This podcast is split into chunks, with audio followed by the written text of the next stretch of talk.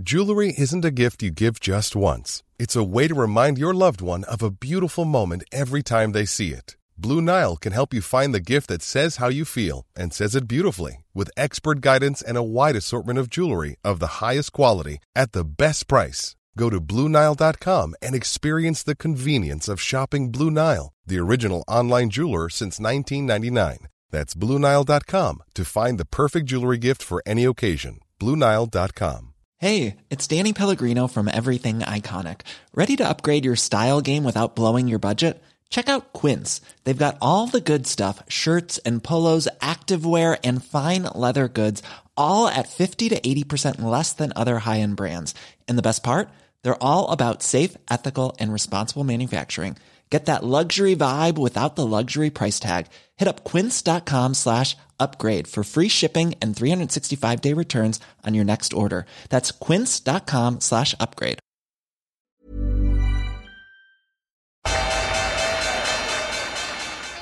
They mistook leverage for genius. Leverage for genius.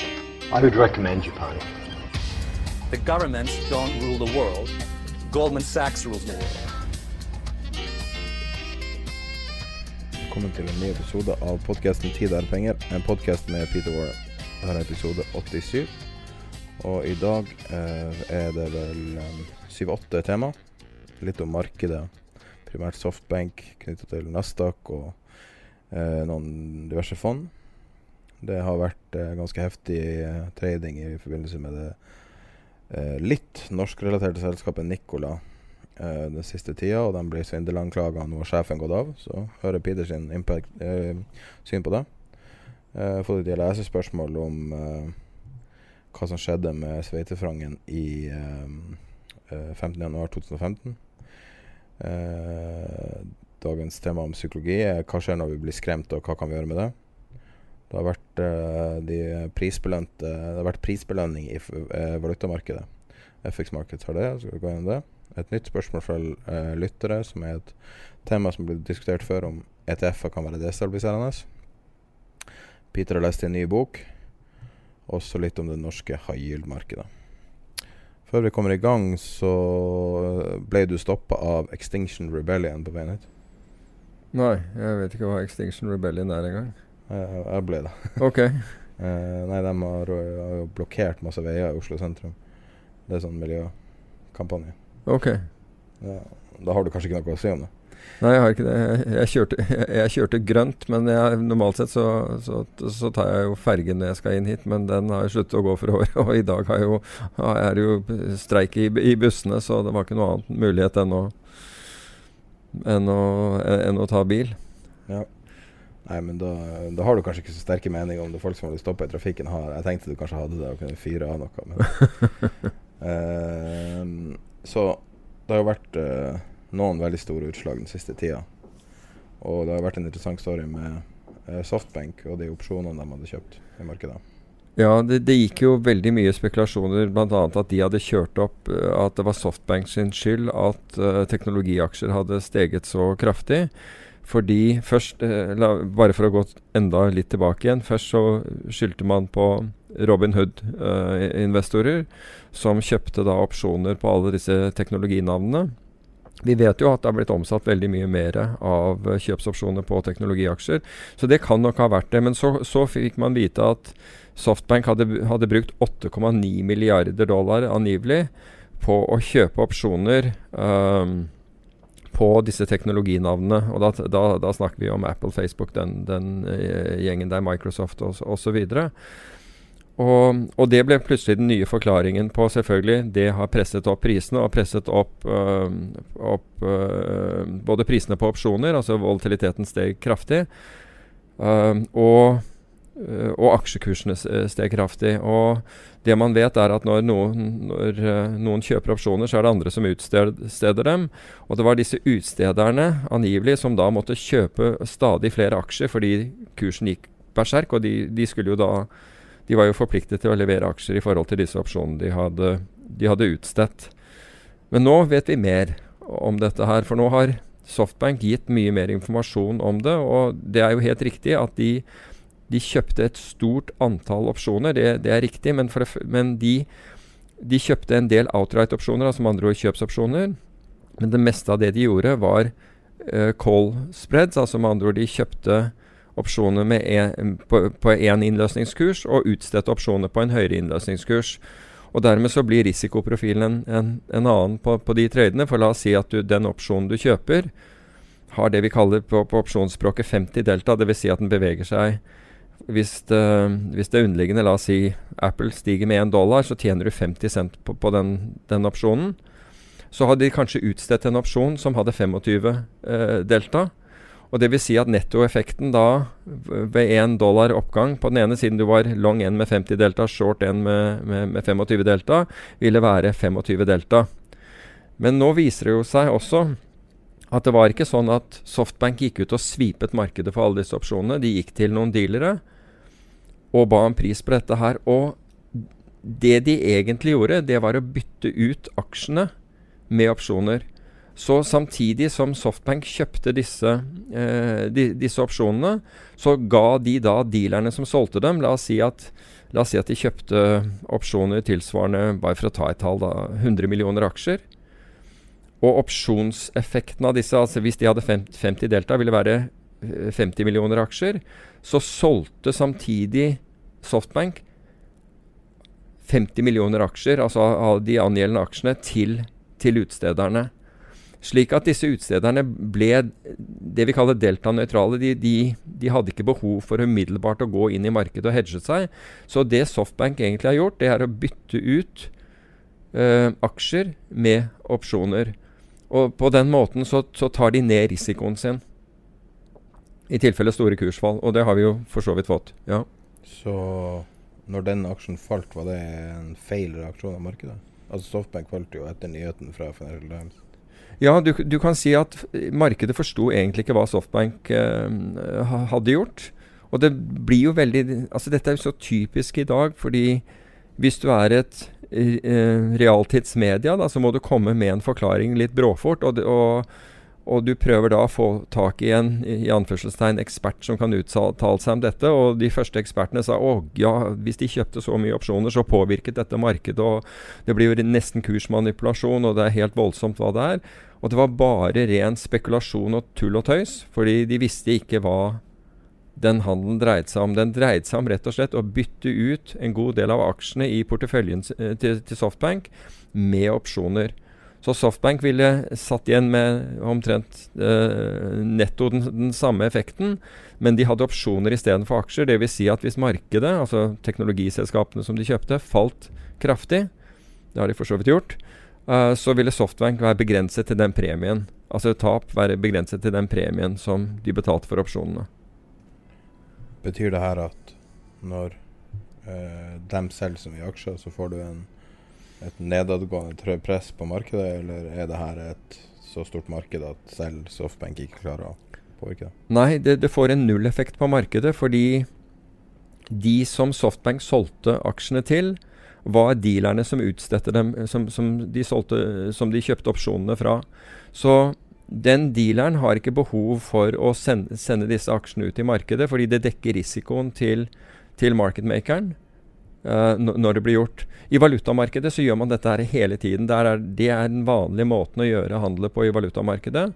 Da, uh, I det profesjonelle delen av valutamarkedet, da hvis, jeg, hvis en uh, eh, JP Morgan eller et eller annet sånt kom og, gjennom broker og skulle ha et stort antall opsjoner på f.eks. euro norske, og jeg var villig til å gå imot det, så fikk jeg da den risikoavlastningen, den deltaen, altså den, det, den, det, det utgjorde i, i, uh, i, valuta, av dem samtidig.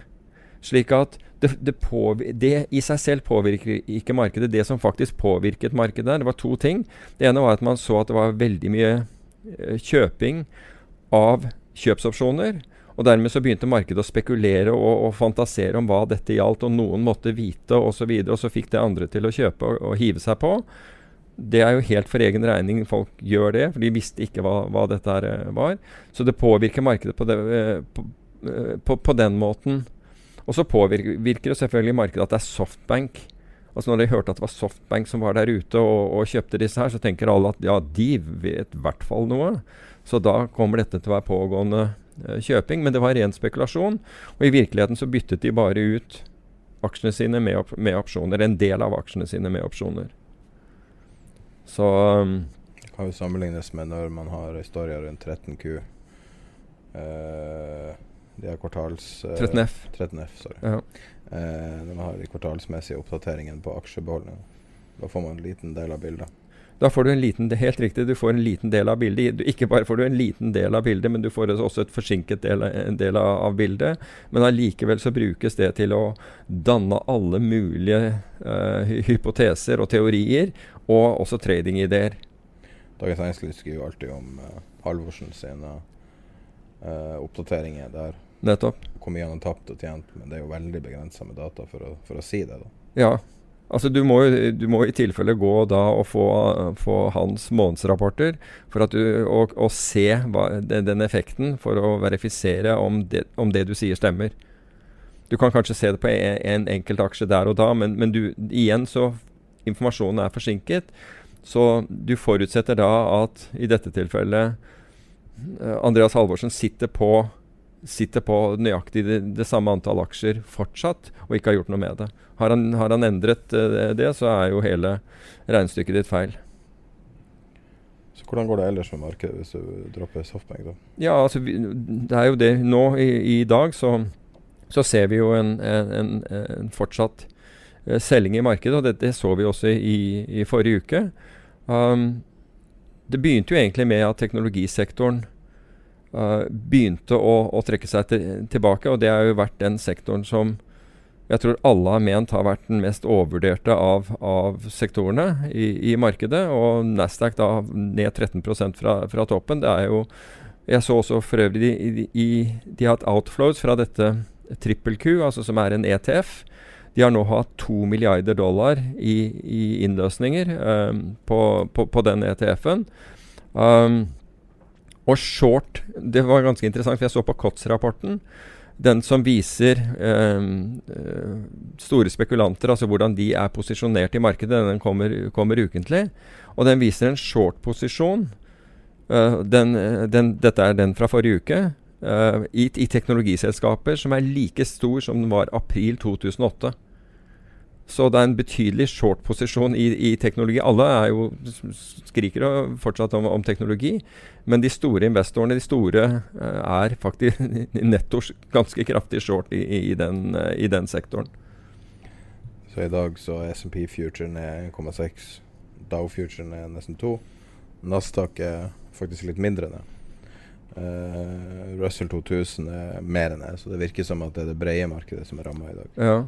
Nå er jo ikke det her Det er jo gammel informasjon når podkasten kommer ut. Men. Det er det jo, men, det er, men du kan si Eurostox 50 er vel ned rundt 3,5 i dag f.eks. Og det er de 50 største aksjene i, i Europa. Så, men vi har jo snakket om dette. altså Markedet har jo vært priset høyt. Markedet er priset på forventninger om stadig To forventninger. Det ene er at det ikke fins risiko i markedet, for sentralbankene kommer alltid til å, å putte inn mer penger hvis det går galt. Og nå, så du har den forventningen. Og så har du forventninger om, om, om evigvarende stigning, altså den generelle evigvarende stigningen av, av markedet. Men jeg syns, og det var jo før vår forrige, uh, forrige podkast, hvor vi snakket om det var 77 dager hvor SMP 500 ikke hadde hatt et fall på 1% og den første gangen den har det over det, sant, så går det 3,5% ned.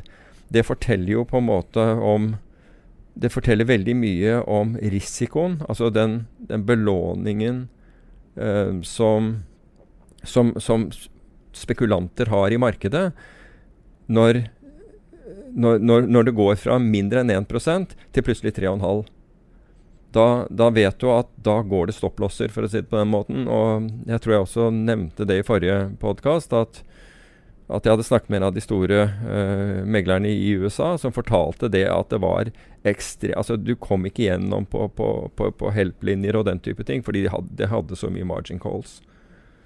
Så det er en litt sånn awakening som, som da skjer i en periode hvor ingen tror at, skal, at noe kan gå galt. Og da jo Ser vi det på lang sikt, så er det jo lang, lang Altså hvis du har lange øyne, du er en investor som, som tenker 10-20 år, år, frem i tid, så er jo ikke dette her dramatikk i det hele tatt. Det er dramatikk for de som har for høy belåning. For mye risiko, rett ut sagt. Så på Facebook-gruppa til podkasten så var det en som uh, mente at podkasten var så negativ alltid.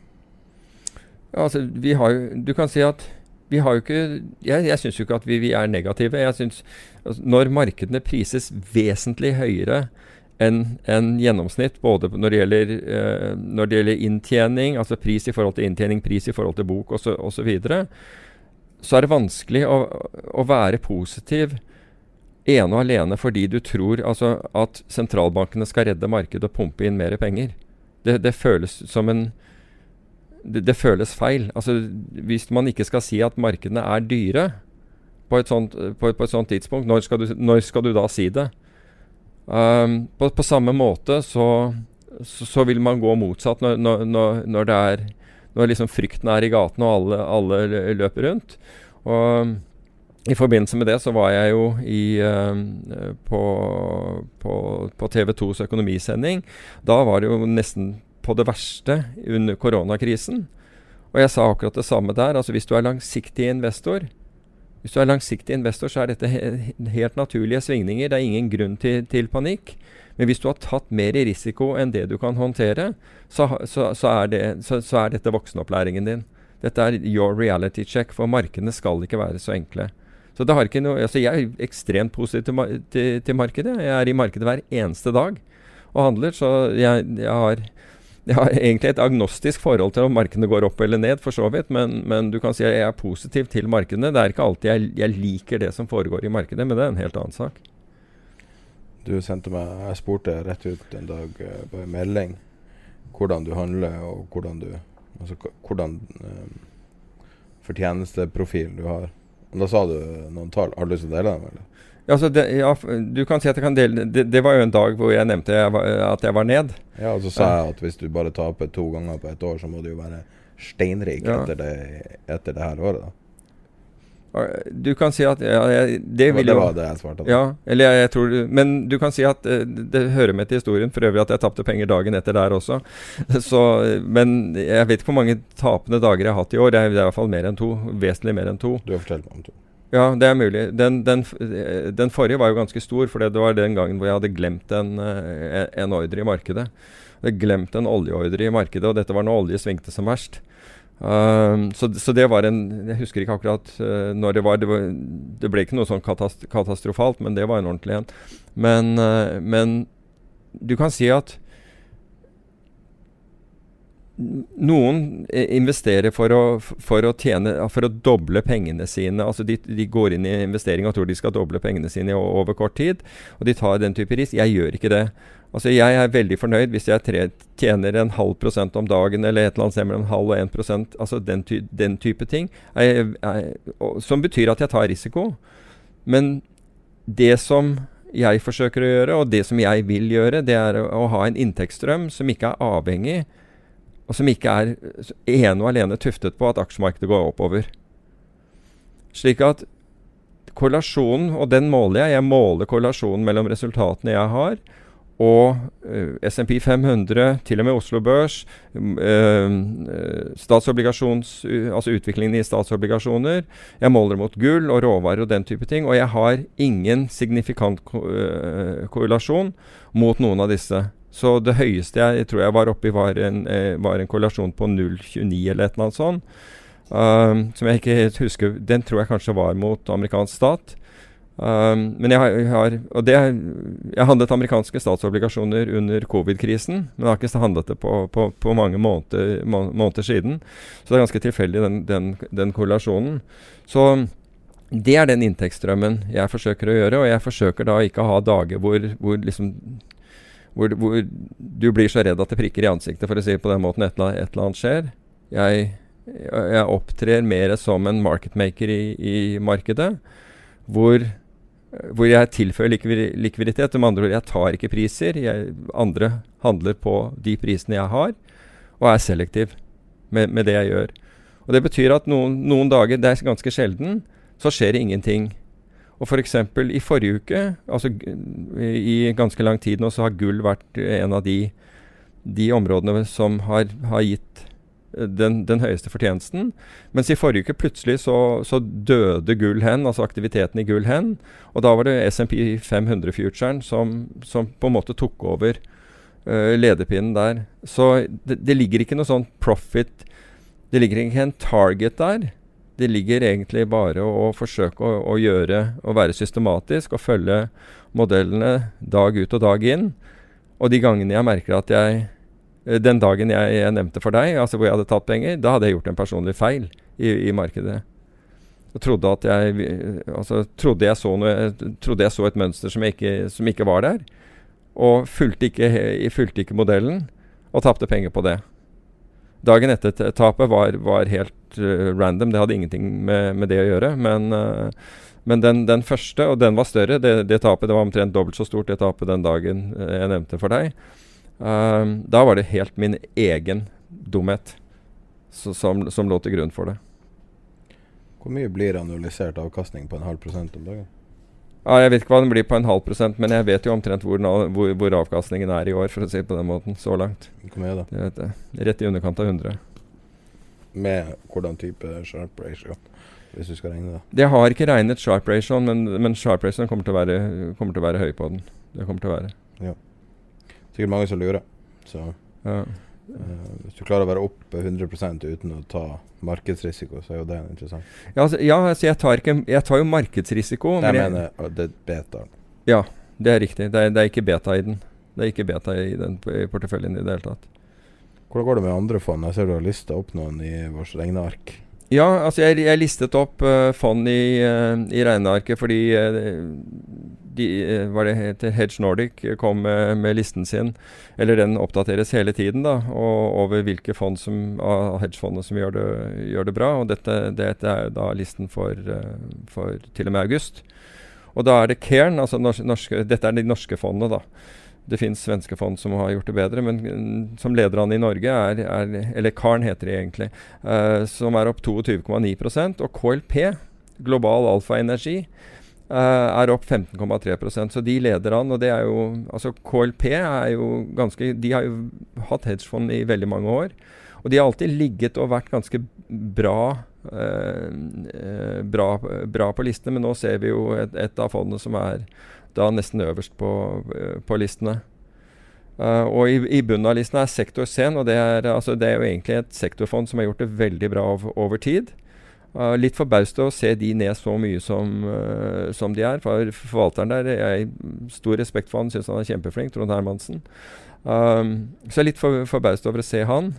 Uh, og nest nederst på, på, De som sagt ned 11,2, og nest nederst på listen er uh, Sisners fond, Canopus, med, med, et fall på 7,3 ja.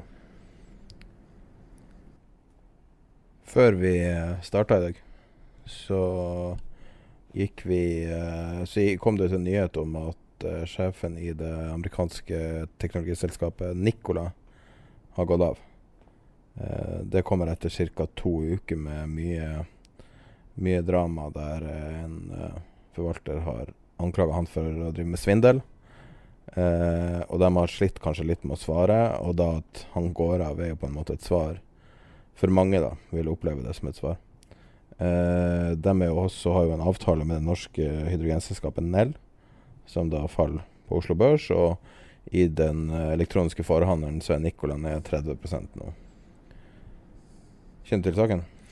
jeg, jeg, kjenner bare Altså, jeg har lagt merke til, til uh, headlinene uh, som, som, har vært på det. Og jeg så den som var i dag morges, og jeg tenkte at det her ser jo, ikke, ser jo ikke bra ut. Men annet enn det så kjenner jeg ikke til saken. Annet enn at det er et teknologiselskap. Men jeg forsto under vår samtale at du hadde ganske god greie på hva dette dreide seg om. Nei, altså det er jo et, et liksom tidlig fase de driver med elektriske lastebiler. Uh, og men, men, det er jo ikke noe å, å, mene så mye om akkurat detaljene der. Det er, jo, det er jo veldig mye som skrives om det, er veldig mye som Det er veldig, det er veldig eh, altså, Det er jo relativt komplisert, da, men en av de tingene som står ut som er litt interessant med det, var at han som går av, da, var eh, den eneste kunden deres i fjor, så vidt jeg vet. Eh, der de hadde installert noe i hjemmet hans Uh, skal vi se de, den eneste inntekten de hadde i fjor, eh, var å installere sånn solcellepanel på hans hjem. Og, og, og når du hører sånne ting, så, så er det sånn altså OK, om, om det er Det var den eneste, eneste inntekten? Virkelig? Ja, for det er jo tidlig faseselskap, okay. så det er jo typisk at de ikke har Mhm. inntekt. Men det som var litt spesielt med denne saken, var jo at man forventa at man skulle få et raskt svar på en svindelanklage. For han, han shortselgeren er jo litt sånn Carson Block-type, som publiserer noe og da annonserer sin shortposisjon. Mm. Som da selvfølgelig har en enorm gevinst øh, øyeblikkelig hvis aksjen falt noe den gjorde. Og i dag er det 30% så han er jo way in the money med, med den. Uh, men det er Det er en veldig spesiell situasjon da man får.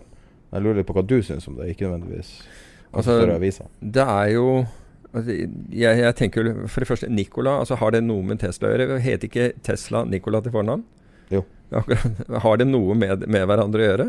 Nei, altså det, det er bare to selskaper, men det heter jo altså Et selskap er Nikola, heter Tesla. Ja, akkurat. Grunnlagt i 2014 av han karen som gikk av. Så det er jo utrolig ja. spesielt at founderen går av. Ja, nettopp. Uh, men, Trevor men, Milton heter han. men det, jeg altså det jeg tenker og Dette er jo ikke den første saken vi har. Vi har jo Wirecard, som vi har nevnt i hvert fall tre podkaster. Um, pluss andre ting som vi har ment at kanskje ikke er helt, uh, helt innafor. I en fase av markeder som vi har vært i, altså med andre ord hvor det pumpes inn penger og kjøres opp og optimismen blir, blir overdreven, verdsettelsen blir høyere, så det er jo en grobunn ofte for selskaper som kanskje ikke er i stand til å levere det de hevder de leverer. Og det er, vel, det er en ganske diplomatisk måte å si det på, tror jeg. Og det, det tror jeg vi har sett i alle sånne bølger. At det blir plutselig lette penger. Det blir, alle leter etter det nye. De som ikke fikk med seg det, det som dro i forrige omgang, ser, hører at ah, men her kommer det en ny en. Og så går eh, den kritiske evnen ned. Og man hiver seg inn, og man hiver seg inn til ekstreme verdsettelser fordi man tror at dette skal ha en sånn enorm forandring på verden fremover. Og det gir veldig Det gir grobunn for altså det, det kan være at mange av disse starter som genuine oppstartsselskaper innenfor områder hvor de virkelig mener at de, de, eh, de, de kan utvikle noe, og så kommer da presset på til å levere.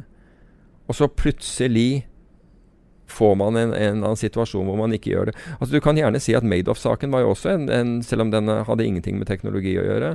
Den kom jo også i en fase hvor markedet er super godtroende, og, og ingenting går feil. Så Altså, jeg, jeg kjenner ikke til denne saken godt nok til å vite hvor, hvor gærent det er med den. Altså, vi, vi gikk jo vi gikk jo inn i dybden på Wirecard, slik at vi hadde, uh, hadde, hadde sett mye på, på hva, hva Men, de men ikke på produktet nødvendigvis. Vi snakker aldri om Wirecard-produkter. I dette tilfellet har de fire-fem forskjellige miljøvennlige produkter. Altså jeg sa lastebiler, men det er mer enn det. Og det er knytta til hydrogen. De har partnere rundt omkring, og det er norske Nell kommer inn. Men det, det som er med et sånt her selskap, er at det er jo relativt komplekst, det de driver med. Uh, og det, den shortselgeren Hinderberg Res- Research uh, uh, har blitt anklaga for å, å eh, samarbeide med, med Tesla-fans, som er Altså Tesla-longa. Altså folk Mm. som er interessert i at For at de anser det her som en Tesla-konkurrent. Og det er jo litt ironisk at, at det som har vært på en måte en motsatt anklage for veldig mange, da blir anklaga her. Så gud vet hva det er som er bak, uh, bak overskriftene bak artiklene. Men det som er at de har kom, sagt at uh, selskapet er en intrikat svindel bygd på et dusin av løgner over uh, leve, altså levetida til selskapet, som alt kommer fra karrieren til han Trevor Milton, som har stifta det selskapet i 2014. Eh, og så sier den at eh, at en av de bilene de viste fram i en video, som ikke kjørte på egen kraft, som noe de hevda, um, eh, og den egentlig bare, bare rulla ned en bakke, eh, og sånne type ting. da Så det er jo, det er jo litt sånn artig å se for seg hvordan det kunne foregå. Men på en annen side, da, når man da ser tilbake på iPhone-lanseringa, opprinnelige, så var jo telefonen som Steve Jobs brukte, var jo ikke ferdig. Aha. Sånn at hadde han trykt én ting Det var en sånn sekvens den bare fungerte i. Hadde han trykt en feil knapp, så hadde den krasja. Sånn at det er jo på en måte Altså om noe er ferdig eller ikke, man vet jo ikke Mm. Man vet jo ikke helt hva, hva det betyr, men i dette tilfellet da, så har jo han gått av noe som er veldig spesielt. Ja. Det altså, det er på en måte en innrømmelse i seg sjøl, det. Ja, jeg tenkte i dag morges at uh, når jeg så den overskriften, jeg tror den kom sånn i 6-7-tiden, uh, så tenkte jeg at det må Altså det, dette må styret vite hvordan, hvordan kommer til å bli oppfattet. Altså det, det sitter nok ganske langt inne å, å gjøre dette, men de Altså du vet at dette blir ikke oppfattet som en positiv melding til markedet. Eller General Motors, som de har inngått en avtale. Ja, ja, for eksempel. Terranos, som noen sammenligner det her med, da. Eh, som er det blodselskapet Mhm. eh, med hun, eh, damen som, som er midt i en rettssak om det. Eh, de hadde jo også store kommersielle partnere. Sånn at mange bruker jo det som en måte å si at det er sånn, de har sannsynligvis gjort eh, hjemmeleksa si, men det er jo ikke alltid tilfellet, det. da Så Mm. det er ikke godt å si. Nei, det blir, blir spennende å se, men uh, det Men er det mer svindler på toppen av et marked? Ja, i, altså min, ja det, det er jeg er overbevist om. Det er overbevist om at det er. altså Det høyere du kommer opp i et marked, det, det lettere er det å rett og slett slippe. Og det er jo rett og slett for vi er mye mer kritiske. Når, når markedene er lave, så holder folk på pengene sine er mye mer kritiske til, til, til nye ideer.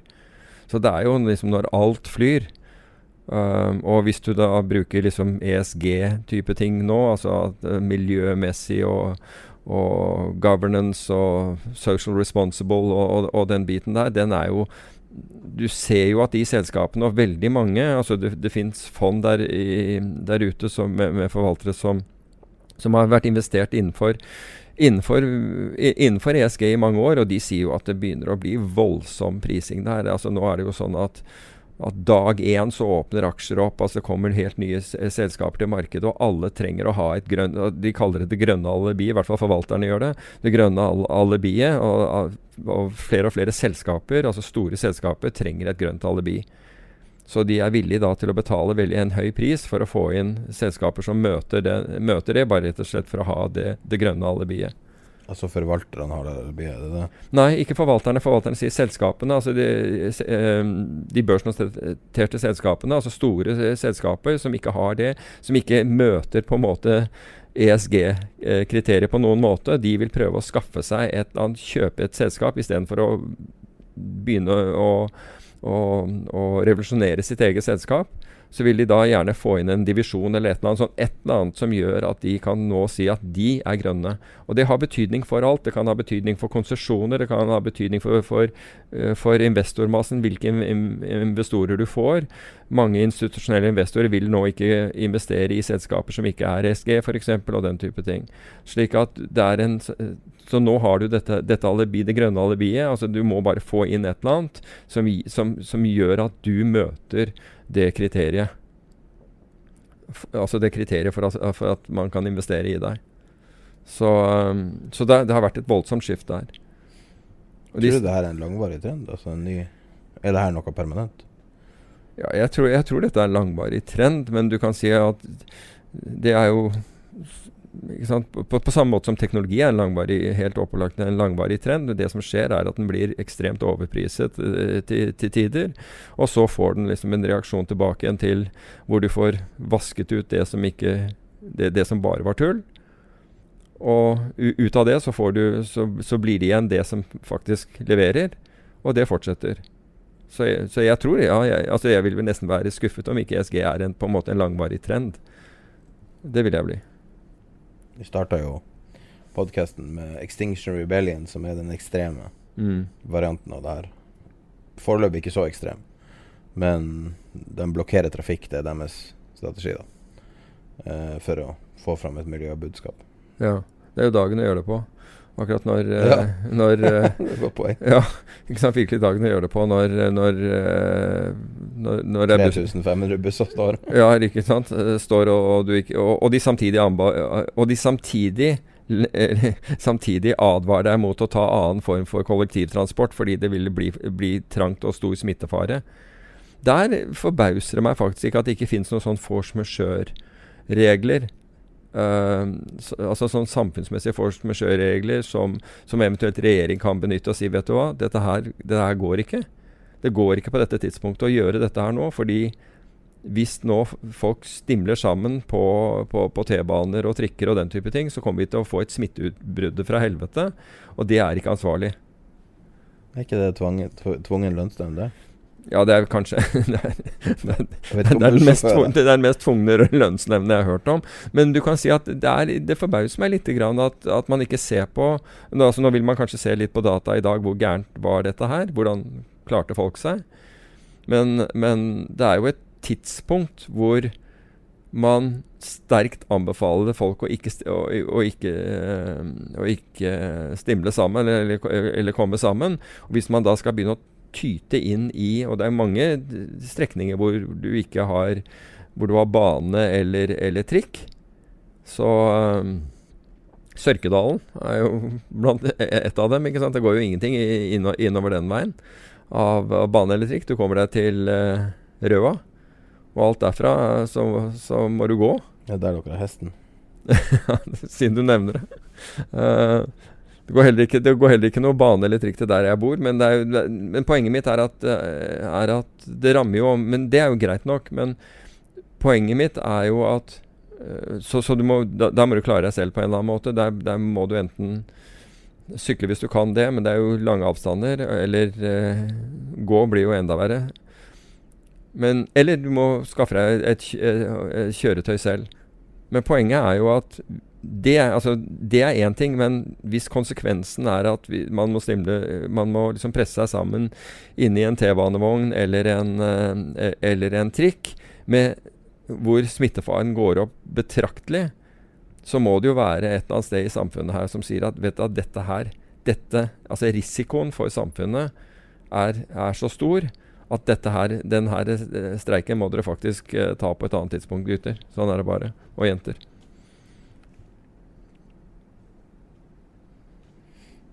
Skulle bare se om det var noe utvikling. det, var, det, var, ingen utvikling. Uh -huh. Så det er fortsatt streik.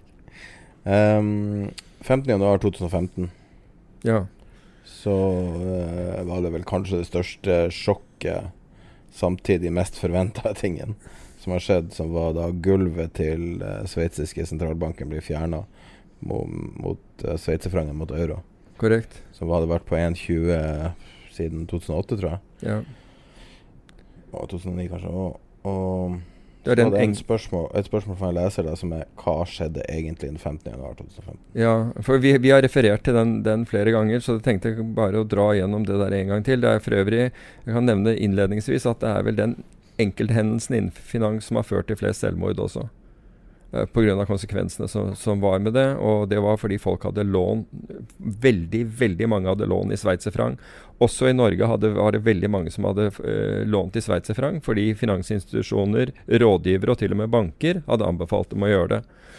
Det som skjer den dagen, er, som du nevnte, var at den sveitsiske sentralbanken, som da hadde lovet å, å, at uh, sveitserfrangen ikke skulle uh, klare å styrke seg forbi 1,20 uh, i forhold til, til, euroen, trakk seg ut av markedet. Og hadde dette skjedd uh, før 2008, så hadde antageligvis dette, så hadde forløpet vært en helt annen. Men etter 2008 så, så, så fikk, så fikk bankene beskjed om at hvis de skulle drive med egenhandel og den type ting, så måtte de ha mye mer egenkapital og ikke spekulere for, uh, for samfunnets midler. Så etter 2008 så gikk man over til elektronisk market making.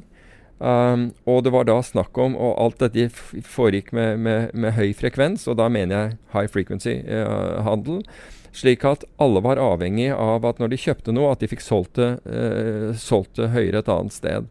For valutamarkedet er desentralisert. Det fins hundrevis av handelsplattformer for valuta.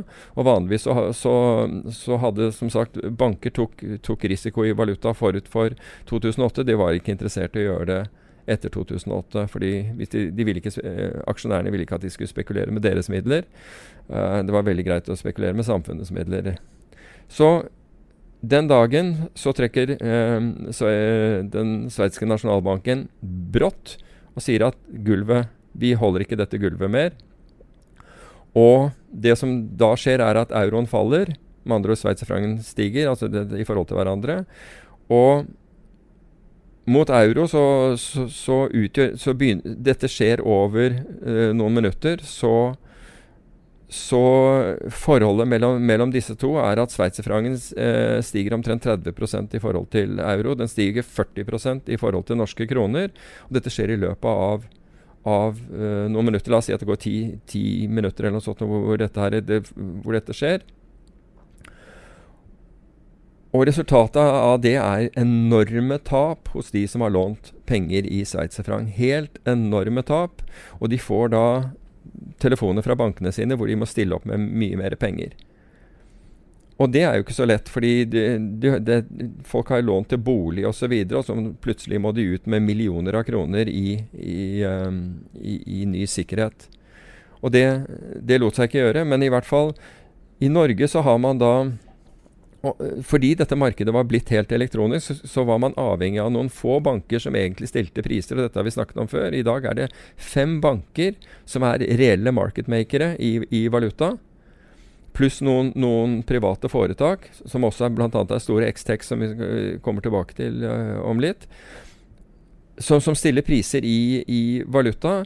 Alle andre stiller priser på basis av deres priser, så det er skyggepriser. Så de har programmert datamaskinene sine til f.eks. hvis JP Morgan stiller kjøpe på 31, selge på 32 i en, i en valuta, bare for å ta, ta et tall, så vil eh, f.eks. en norsk bank være kjøpe på 29 og selge på 35 i den samme valutaen. Og hvis du da kjøper på 35 av den, eh, den, den uh, banken, så går den og kjøper av, av, JP Morgan, Morgan, umiddelbart i samme ja, mikrosekund, eller i hvert fall millisekund, på 32.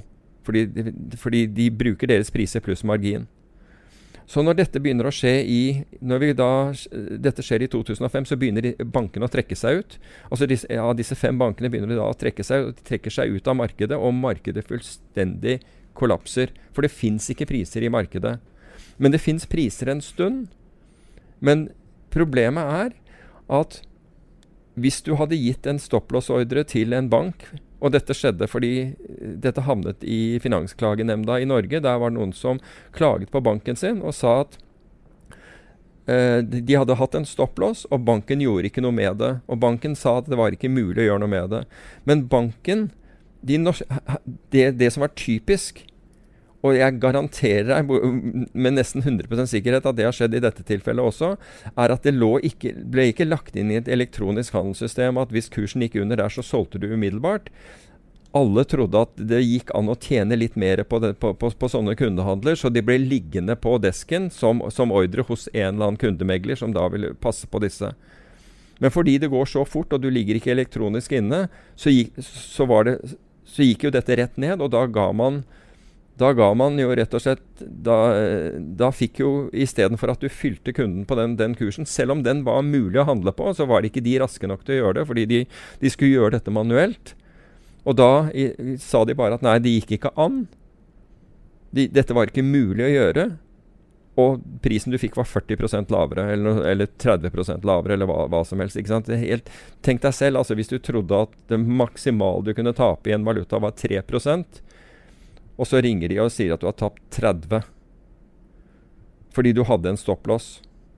Du hadde en stopplås på 3% og så ringer banken og sier beklager, vi klarte ikke å utføre den der, den gikk ned 30. Og og gjennom, uh, gjennom, et high frequency-selskap uh, uh, som, som, som, jeg hadde tilknytning til, så gikk vi og så faktisk på hva som var mulig å gjøre. For vi kunne se hver eneste handel som foregikk, og vi har hvert eneste nivå hvor det lå kjøpere på. Og det viste tydelig at det gikk an å handle i en god periode, altså i, i minutter, rundt det. Men du måtte ha teknologien, og du måtte være klar for å gjøre det. Så Finansklagenemnda eh, kastet den saken ut og sa at eh, fordi banken sa det var ikke mulig. Og der satt jo folk i Finansklagenemnda, de hadde jo ikke peiling. Altså virkelig ikke. De kunne jo ingenting om teknologi. De kunne lite om, om, markeder. Og de gikk i hvert fall ikke inn og sjekket hva som var mulig den dagen, så de ga banken medhold.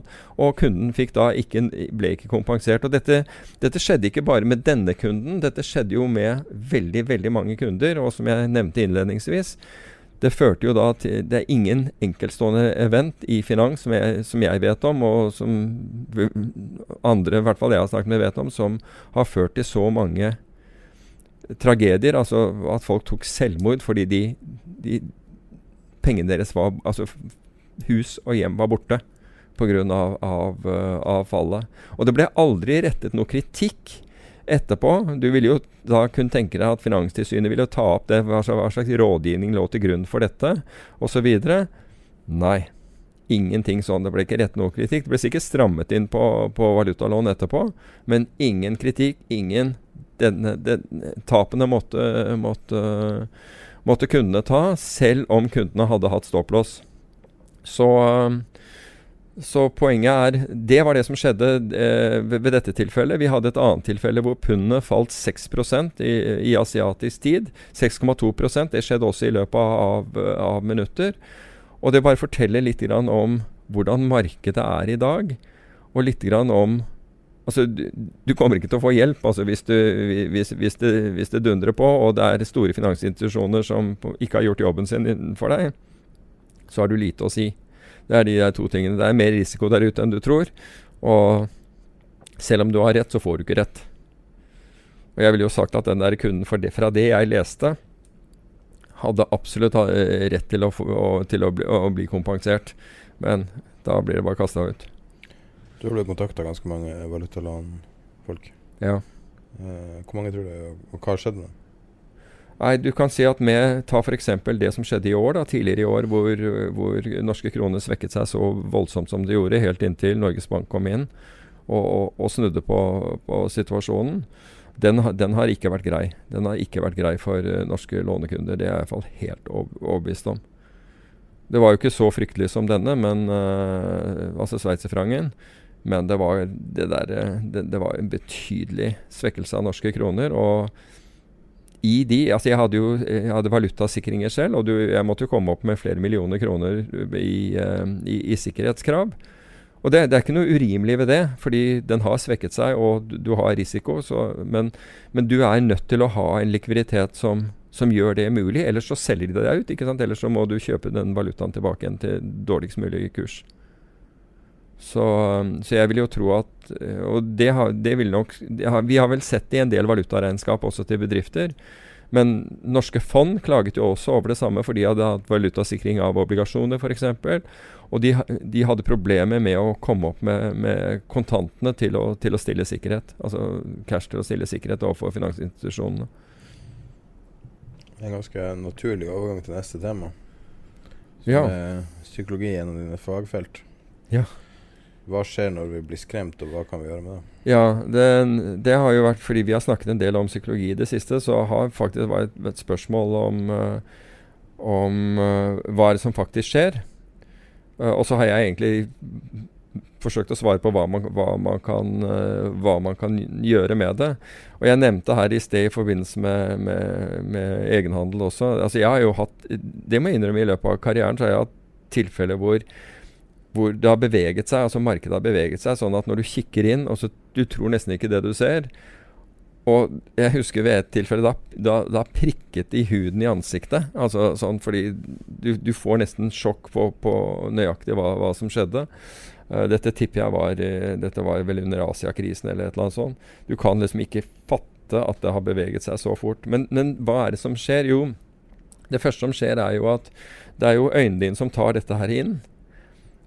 Og så, i det øyeblikket du blir klar over at det du ser ikke er feil, for det er jo gjerne det du først tror at det her kan ikke være mulig, og så plutselig skjønner du at det er mulig, og da samtidig så skjønner du hva dette betyr for deg, så går dette til et senter uh, i, i, i, hodet ditt, eller hjernen din, som heter amygdala. Og amygdala uh, kan gjøre tre ting. Den, den kan fight, flight og freeze. Og noen går i frys.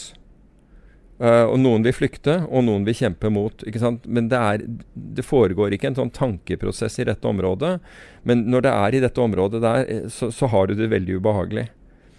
Uh, når det gjelder akkurat sånn fris altså vi, vi, Det er når du bl.a. går i fosterstilling. Det er jo en av de tingene da jeg instruerte i, i nye elever i fallskjermhopp bl.a. Hvis det var noen som slapp tak i flyet og gikk i fosterstilling, så vil, så vil, du, så vil du, ta de A-programmene. Altså da, da, vil ikke de gå opp igjen. For da viste de den derre freeze um, uh, Jeg vil ikke si kvaliteten, men egenskapen. Hvor du bare blokker ut alt. Du klarer ikke å deale med, med omverdenen. Du blokker ut alt. Um, så freeze er ikke en bra uh, fight og flight, kan være, kan være, riktig. Men akkurat det er det som skjer. Det første som skjer, er, er jo at du, du, får den Samtidig så produserer kroppen din enormt med, med, med hormoner, bl.a. kortisol og adrenalin, som da strømmer ut i, i, i systemet ditt, og som har som hensikt å hjelpe, å hjelpe deg til å håndtere den, det, det, som skjer. Du vil, du vil, merke at blod blir trukket fra ekstremitetene dine og, og, og går til core, altså går til, uh, til, til hjerte og lunger og mage og den type ting, i tilfelle du må du må løpe, altså det, komme deg unna hvis det er, er flight eller, eller, eller kjempe du, du, får en voldsom muskelspenning eh, når, det skjer. Åndedrettet ditt går opp. Du begynner å puste veldig mye, mye, raskere. Men samtidig så kobles et lite øyeblikk etter så kobles da inn bl.a. hippocampus og frontallappen. Altså i det, det, øyeblikket signalet går videre, som går da hvor minner og, og den type ligger, for å, for å, på en måte vurdere er, er det så farlig som jeg tror det er, eh, det, det som skjer. Og så begynner på en måte en eller annen sånn tankeprosess. Så det gjelder egentlig å få signalene. Det kan du gjøre ved pusting. Hvis du, du kan tenke deg at alt det som skjer med deg, hvis du reverserer det som skjer med deg fysisk, så begynner du å komme ut av den, den lammende fryktperioden. Og som jeg nevnte, musklene dine blir Altså, du, du spenner alle muskler. Du, du puster veldig, veldig fort. Hvis du gjør rett og slett det motsatte, få kontroll over pusten din, roer ned pusten din, prøver å gjøre den rytmisk selv om du puster fort. Prøver å gjøre den rytmisk. Og når den er blitt rytmisk, prøver å, å, å senke eh, pustehastigheten din. Bare prøve å få litt ro på, ro på, dette. Bli bevisst på muskulaturen din, begynner å slappe av i muskulaturen. Kjenne at du ikke spenner deg i kjeve, nakke, skuldre, den type ting. Og du vil garantert letteste er egentlig å kjenne på skuldrene, fordi når du slapper av i skulderen, så detter de ned. Altså du, du, da blir du oppmerksom på at du var egentlig spent. Så vil du begynne å reversere denne prosessen. Fordi det kan være at det du står overfor, er, er farlig på en eller annen måte. Altså finansielt farlig eller fysisk farlig eller hva som helst. Så du har behov for du har fortsatt behov for kortisolen og adrenalinet som pumper i systemet ditt, men du må klare å bruke det riktig. Og for å kunne bruke det riktig, så må du få tak i, i, i, i hodet ditt. Altså du må klare å, å, tenke. Altså få det kognitive til, til, å, til, til å, å, begynne å komme inn. Slik at du kan bruke minner og kunnskaper og ferdigheter og alt det du har, til å ta deg av situasjonen. Og det får du til ved å reversere den, det, det, det som skjer i, i systemet ditt. Du har, du har, to nervesystemer som liksom dundrer løs. Og, og, og, og, på en måte styrer det du gjør. Den ene, den ene er viljestyrt, den andre ikke. Men hele poenget er at reverser akkurat den umiddelbare situasjonen som skjer. Prøv å reversere det som foregår med, med fysiologien din, og du vil være i stand til å fatte bedre avgjørelser. Det, det, er, det er plenty blod i systemet. Du har plenty til å gjøre ting. Det er bare at vi, det gjelder å gjøre de riktige tingene og de riktige tingene Altså, vi fatter bedre beslutninger, bedre valg, hvis vi får kontroll over, over oss selv. Og det gjør vi gjennom, gjennom, avspenning, altså pusting, avspenning et lite øyeblikk, og så beslutter vi hva som skal gjøres. Så i markedene, når, altså uansett altså Jeg har opplevd dette i mange situasjoner mange ganger. Men det der å få tatt et bånddrag med, med, med, luft og, og, og, kjenne skuldrene falle og bare ta trenger ikke, trenger ikke, mange sekundene på en måte å få i hvert fall da begynner signalet å gå videre. Og så, hvis du har tid, så, så rytmisk pust og, og, og slapp av, så vil du være bedre i stand til å, til å håndtere uansett hva, hva, det er. Uansett om det er en fysisk situasjon som, som oppstår, eller om den situasjonen skulle være i, være i, markedet. Det handler kun om å fatte de beste avgjørelsene som du kan. Det kan være at, at ingen avgjørelse er god, Men, kan, men, som regel så er i hvert fall noen avgjørelser bedre enn andre. Altså det, er, det, er, ikke slik at du kan reversere det som akkurat har skjedd. Hvis en bil akkurat smalt inni deg eller er i ferd med å kjøre på deg, eller et eller annet sånt, så, og, og, du, og, du, blir skremt av det, så du klarer ikke å reversere den hendelsen, men du kan reversere da det neste som skjer. Du kan endre det neste som skjer, du kan påvirke det neste som, som skjer, og det er, det er det som er viktig. Det om frykt. Um, det var ei premieutdeling eh, som, eh, et nettsted som heter FX Markets hadde. Ja. Tidsskriftet. Ja. ja. Um, som var uh, EFX Awards 2000 Nei, 2020, sorry. Ja. Uh, mitt spørsmål til deg var Er det folk som fortsatt trader valuta. Ja, det er faktisk, eh, det er faktisk mange som fortsatt uh, trader valuta. Jeg må si at jeg, jeg, jeg trader mye mindre valuta nå enn tidligere. Men det er fordi valutamarkedet er på en måte rigget. Men det er blitt bedre. Men det var veldig rigget en periode mot hvor, hvor uh, banker og de som hadde den rette teknologien, kunne trekke seg etter at du hadde handlet med dem. Det, uh, det het last lock. Så når du handlet eh, på kursen deres, en kurs som de stilte, så hadde de en veldig kort tid til å bestemme seg om de ville ta, godta den handelen eller ikke. Hvis de godtok handelen, så var det egentlig en dårlig pris du handlet på. For det betød at den banken, hvis la oss si at du kjøpte av dem, kunne kjøpe den valutaen samtidig billigere et annet sted. Uh, men det, ble veldig mye kritikk mot det, og Elmax var vel den første børsen som, uh, som Eller handelsplattformen som, som nektet brukerne å, å bruke uh, last look. Men det, det, eksisterer fortsatt last look der ute. Men det gjorde jo Altså den, den biten ved at på en, på en, børs vil du aldri få lov å, å, å, gjøre dette. Altså Hvis du handler på Hvis du er på, på en pris på børs, og, og du er førstemann til å handle på den, så får du den kursen. Men sånn var det ikke i valutamarkedet. Og det de, det de, gjorde, bankene gjorde, det var at de tagget, og, men, og det fins fortsatt. Så når, når, du handler i valutamarkedet, hvis du er aktiv i valutamarkedet, så vil jo selvfølgelig megleren din, eller handelsplattformen, den vil vite hvem du er. De selger da de taggene videre til de som stiller priser i elektroniske priser. Og hvis du ser at det er en som handler mot deg, som stadig tjener penger, som handler mot deg, så, så, så, vil, den, så vil, den, megleren si at, eller den som stiller disse prisene, si at 'jeg vil ikke handle med de mer'.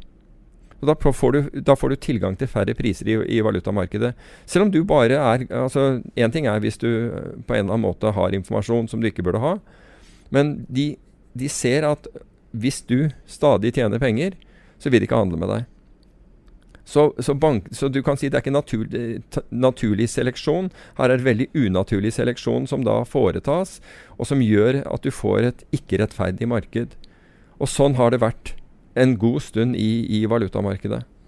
Fins det ikke sånne blinde plattformer der du ikke har uh, Altså det er mer sånn uh, exchange-aktig? Uh, der du har mange leverandører og mange potensielle kjøpere? Jo, jeg husker ikke hva det heter. Jo, men allikevel Jo, det, jo, det fins den type plattformer, men allikevel. De plattformene gir fra seg Altså, du kan si at der er det jo elektroniske marketmakers som stiller priser hele tiden. ikke sant? Det kan være mange. Det kan være JP Morgan, Goldman Sachs, det kan være XTX, det kan være en hel haug andre. ikke sant? Citadel, den gjengen der. ok? De ber da på slutten av dagen så får de vite det de kaller taggene, og det er en, en numerisk eh, identifikasjonskode til alle de handler med. De kjører da sine analyseprogrammer, og hvis de da ser at jøss, denne taggen her og det, det, er det de analyseprogrammene er satt opp for å gjøre. Det er å, å finne ut er det noen her som stadig tjener penger på oss. Som, eller som, som, som, vi taper penger på hver gang de handler, eller noe sånt. Så, så tar de bort de. Så du tar bort de flinke. De flinke får til slutt de dårligste prisene til de går et annet sted eller ikke gidder å handle valuta mer. Og dette, dette skjer. Du kan si en bedrift som kommer inn og handler én gang eller fem ganger i året, vil aldri ha dette problemet, men de som handler mye i valutamarkedet, har dette problemet. Og Det kalles tags, og det, det har erstattet denne last look. Så når folk sier at ja, men de, den og den har ikke last look, så det er ikke noe problem. Jo, det er et problem hvis du er aktiv, fordi da Da vil de avlese den taggen. Så det dårligere du er, det bedre priser får du. Det bedre du er, det dårligere priser får du i markedet. Så når det gjelder denne her eh, EFX Awards, så er det mange kategorier her. Det er jo ikke alt som er like lettfattelig av Nei, det er mange ka ka kategorier her, men, men det som er interessant, er at den beste Altså den, den som har fått eh, prisen for, for å gi best likviditet i valuta, i, i spot-valuta, altså valuta for, for, for eh, nær um- umiddelbart oppgjør, det er ikke en bank lenger. Det er nettopp den jeg snakket om i sted, XTX Markets, altså dette, dette London-baserte baserte elektroniske marketmakeren, XTX. Og de er nå blant, er nå blant verdens største i, i, i valutamarkedet. Og de har helt suveren teknologi og er utrolig godt kjent. Um, så de altså Tidligere så var det helt utenkelig at noe annet enn banker ville, de, ville fylle de 20 første plassene. Nå er det da en ikke-bank som ligger på topp, og det er, det er ganske ekstraordinært. Um, videre nedover så altså Best algo provider var Goldman Sachs. Og det er, det er Når de sier algo provider, så er det eh, handelsalgoritmer. Så hvis du, en, hvis du trenger en handelsalgoritme som, ikke, som påvirker markedet veldig lite, så påstås det i hvert fall her at, eh, at Goldman har det. Beste prime-brokeren altså vi var, er BNP Paribas. ikke sant? Nå er, det, nå er det franske banker som er liksom ledende i dette her. Det, det brukte å være det brukte jo å være rett og slett JP Morgan, Barclays, den, den type ting. City vet jeg er veldig, eh, er, er veldig aggressiv og veldig bra. Men best prime of prime, altså det er en prime-broker altså som, som bruker en annen prime-broker, for å si det på den måten, for, for, for mindre tradere. da. Eh, Det er Saxo Bank. Og Saxo Bank vant også eh, for beste retail foreign exchange platform, altså det for, for handelsplattformen for hva skal vi si spås, retail. Altså Vi oversetter det med småsparere, men alt annet enn uh, veldig, veldig store summer. ja, det må være et bedre ord enn småsparer, for jeg føler ikke at, det er, er helt det riktige uttrykket her, men eh, Vi skal jo lage ei sånn ordliste. ja. Så da får vi finne et, eh, rett og slett finne opp et ord for uh, retail traders. Ja, absolutt. Småsparere er jo folk med 20 000 på kontoen som har spinka og spart, liksom. Det er jo det det opprinnelig var. Men i, i hvert fall Saxo Bank får for beste plattformen. Men det, det som er interessant, er Euronex. Det er vel de som har kjøpt Oslo Børs. De var faktisk beste ICN, altså Electronic Crossing Net Network, for, for spot-valuta. Så det kan være at uh, også nordmenn får Ja, ja, det får de jo gjennom, gjennom andre også, får, får, får tilgang. Men det var, eh, det var i hvert fall interessant å se uh, hvordan hvordan det har endret seg på listen over over hvem det er som er altså hvilke som er store i valutamarkedet eh, på verden over. Det har vært en radikal endring. Ja, det er veldig mange navn jeg rett og slett ikke kjenner igjen. Ja. 360T. 360T har, eksi 360T har eks eksistert veldig lenge. Det er, eh, det er et uh, handels handelsplattform. Så 360T eh, jeg, jeg mener at de var kjøpt opp av, av noen, så de heter noe annet nå. Men det var en av Altså, du hadde jo Currenex, og du hadde Hotspot, og av, av disse non-bank-plattformer, da. Vi brukte jo en gjennom både JP Morgan og gjennom Barclays, som da tok inn feeder fra alle. Slik at eh, det var ikke bare Barclays sine Du kunne handle på Barclays egen eh, plattform som het Barks, BARX, hvor det var kun Barclays, marketmakeren, som, eh, som elektronisk stilte priser. Eller, kunne, eller så hadde de en annen en hvor, hvor, hvor det tok priser fra alt.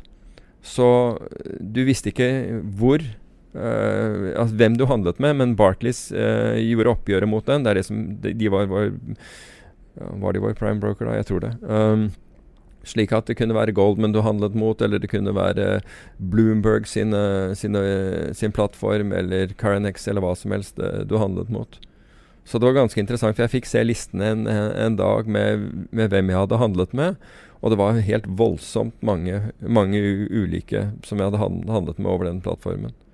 Så Men i hvert fall så det, det har vært sto, store endringer i dette markedet. Det, det er poenget. Det har vært enorme endringer i, eh, i, i valutamarkedet. Forhåpentlig er mange for det bedre, for å si det på den måten. Det har vært et uh, nytt lytterspørsmål.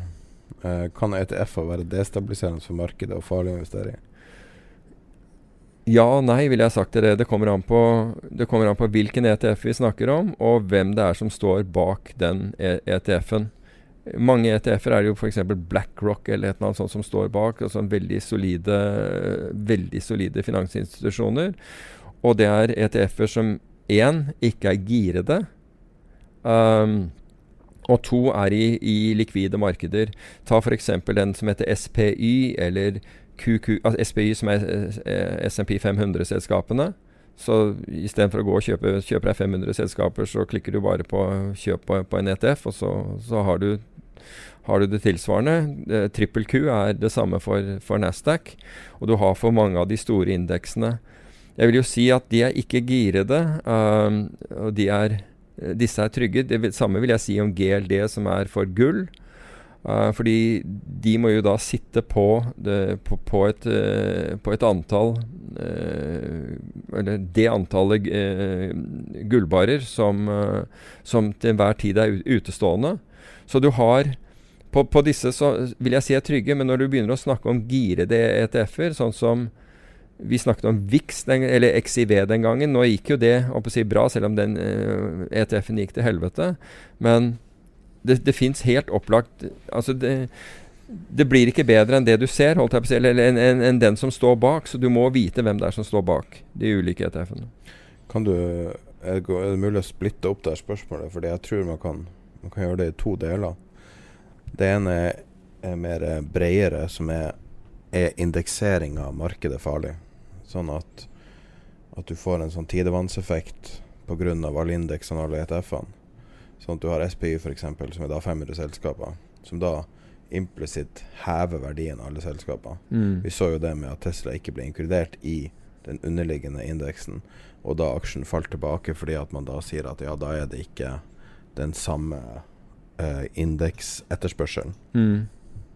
Det som har vært tidligere vært snakka om, var jo at det var, det var farlig med, med den her langsiktige indeksifiseringa fordi at selskaper som da At det var vanskelig å få pra, eh, ekte price discovery, som er liksom hele ja. poenget med aksjemarkedet. Eh, og spørsmål nummer to da er eh, Er det eh, eh, hensiktsmessig å ha alle mulige slags ting mellom himmel og jord knytta til ETF-er? Og da har du ytterpunktene vil jo være f.eks. bitcoin. Det vil være eh, high yield-fond eh, som HIG. Du har utallige råvarer som er relativt komplekse og har relativt komplekse underliggende mm. ting. Eh, du har Olje jo, ble jo et problem. Ja, for det var jo fordi at infrastrukturen matcha ikke det her ekstremt likvide markedet. Nettopp. Uh, og så har du uh, problemer rundt f.eks. VIX. Uh, og så har du utallige varianter og derivater under det igjen. Så hvis du skal liksom splitte opp det her spørsmålet igjen, så er det jo er, det indeks, er indeksifisering farlig? At du, får, at du ødelegger price discovery i markedet, og at basically alt bare stiger. Stocks only go up. Og så er spørsmål nummer to da er, um, er det negativt med at man forenkler kompliserte ting som normalt er forbeholdt investorer, som da mm. trenger å bestå prøver for å få lov å handle de her, Eh, enten det er eh, forwards, futures eller eh, ymse indekser eller ting som krever tilganger til både avanserte brokere og avanserte markeder. Mm. Altså, den, den, første så vil jeg altså, så, så ville jeg svart ja, fordi det er blitt så stort. Altså, ta f.eks. Uh, Norske oljefondet, som, som, er et indeksfond. Den, de kjøper etter nesten kun if, ifølge en indeks. Og hva skjer når Og vi har, vi har lært etter hvert at at indeksfond er de billigste fondene å kjøpe, fordi de er, de er lette, lette å, å, å, produsere. Og, og, følgelig så er konkurransen stor, og, og kostnadene gått ned, og alt det er bra. Og Det gjør at mer og mer penger finner veien dit. Og hva skjer? Og det du var inne på det, det er jo at selskapene altså du, du skiller ikke mellom gode og dårlige selskaper. I indeksen er du først i indeksen. Og den indeksen får 10 milliarder dollar i vi, vi, så nå at 2 milliarder dollar hadde gått ut av, uh, av teknologiindeksen Nasdaq, eller ut av den trippel Q. På samme måte er det når penger går inn. Alt blir kjøpt i forhold til den, den uh, andelen det selskapet har i indeksen. Det betyr at alt blir kjøpt. Og da er det ingen lenger som, som skiller mellom om det selskapet er bra eller dårlig.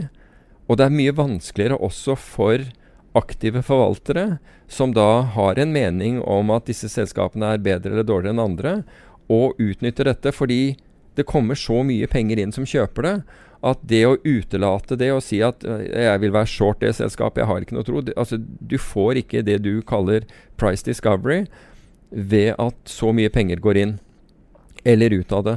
Så jeg vil jo si, si, at det er negativt. Men det er negativt på den måten, men det er også negativt på en annen måte. Og det er at de selskapene som befinner seg på utsiden, har, blir, det blir vanskeligere for de å tiltrekke seg penger. Fordi du får ikke disse indekspengene. Og når indeksene eh, ser ut til å, å, gå kun én vei, så er det veldig lett at alle pengene til, til investorene går den veien. Og det, jo, det, er akkurat det vi mm, har vært inne på. Og mindre penger blir det da til nye selskaper eh, som da kanskje virkelig ha, hadde livets rett og, og er langt mer lønnsomme, f.eks.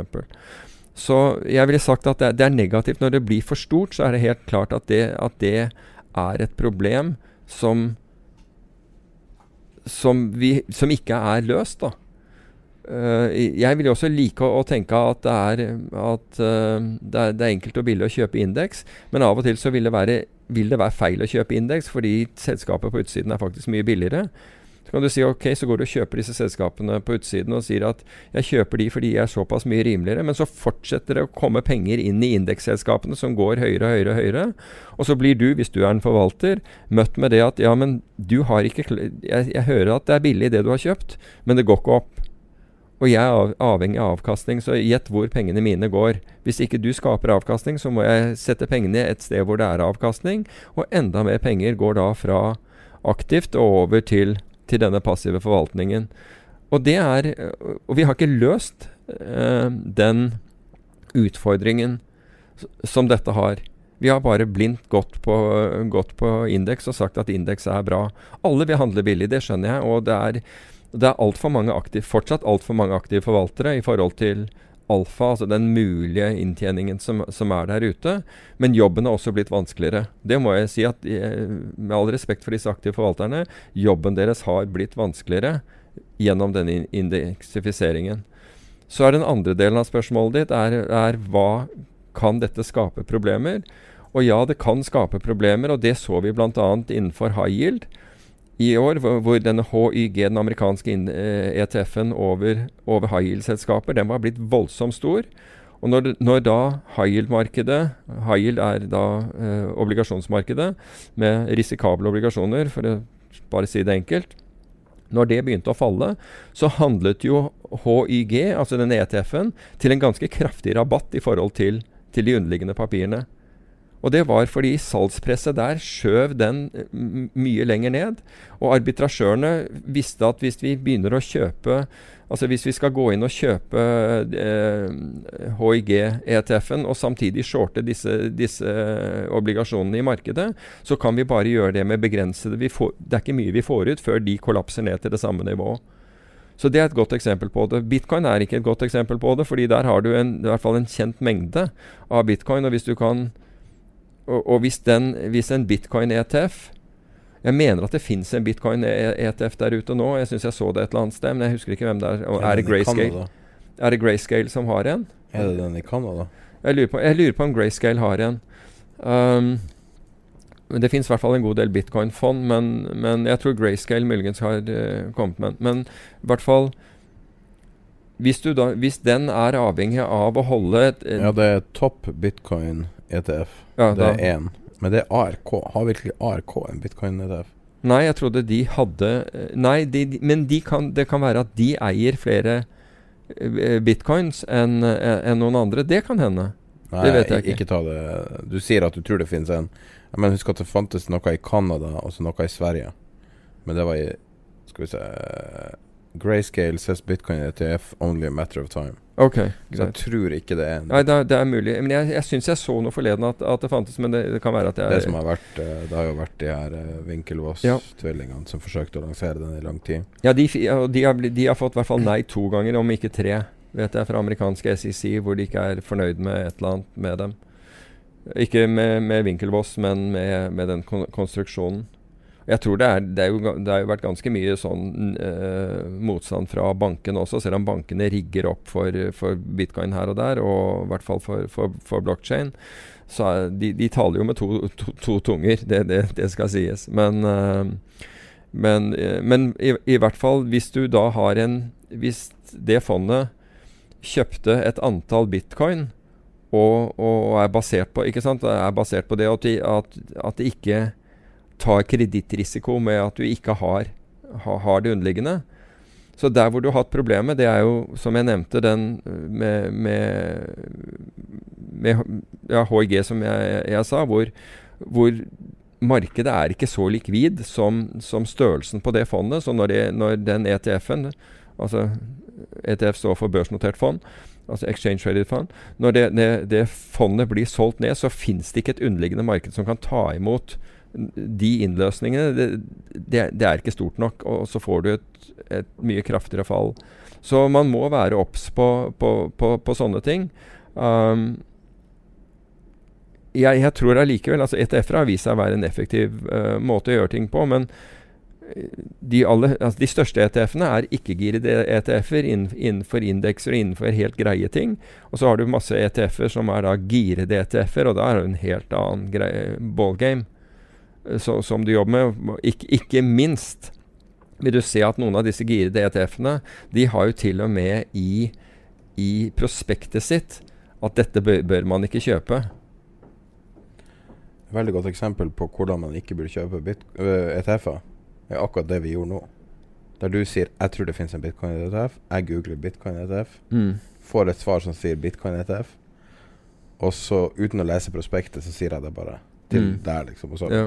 tilfeldigvis da på podkasten. Men uh, når vi har fått spørsmål om ETF-er før, så er det jo alltid artig å gå inn og lese de spesifikke prospektene. For det står jo alltid hva som er i prospekter. F.eks. XIV, som kollapsa, mm. står det jo i prospektet at det kan kollapse. Ja. Og du kunne ha forutsett at dette kom til å skje pga. dynamikken i VIX. Uh, og hvis du må lese prospektet og fortsatt ikke helt skjønner det, så, svarer vel det kanskje på spørsmålet. Jeg vet ikke. Jo, og, og, og det er jo et, et, XIV var jo en av um, var jo et var jo, er jo et eksempel på hvor ETF-en ble så stor. altså Det så jo ut som en bankkonto de gikk oppover, og de, de, de ga jo en fantastisk avkastning helt til de mistet hele avkastningen på, på i løpet av var det, ja, en ettermiddag, i hvert fall. Men, en eh, halvtime i etterhandelen. Ja, en halvtime i etterhandelen. ikke sant? Altså Fordi det underliggende markedet ikke er i stand til å ta imot det du, skal, det du må ut med. Falt 93% fra klokka hva det blir, fire, altså ti norsk tid ja. til halv det er, det er ganske voldsomt. Da har du det vondt. Eh, de som var investert. Det var også nordmenn investert der.